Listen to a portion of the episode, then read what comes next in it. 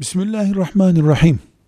Elhamdülillah ve salatu ve selamu ala Resulillah. Bir insan nikahlandığı bir eşten doğmuş çocuğuna evlat muamelesi yapabilir. Başkasının doğurduğu çocuğu sebebi ne olursa olsun evlat almak dinimizde yoktur. Yetim kalmak veya benzeri bir sebeple evlat edinmek yoktur. İyi niyetlerin gerekçe olması evlat edinmeyi helalleştirmiyor. Bir Müslüman bir çocuğa garip olduğu için, zavallı olduğu için, yetim olduğu için sahip olabilir, yardım edebilir, iyilikte bulunur ki bunları yapmak Müslümanlık gereğidir.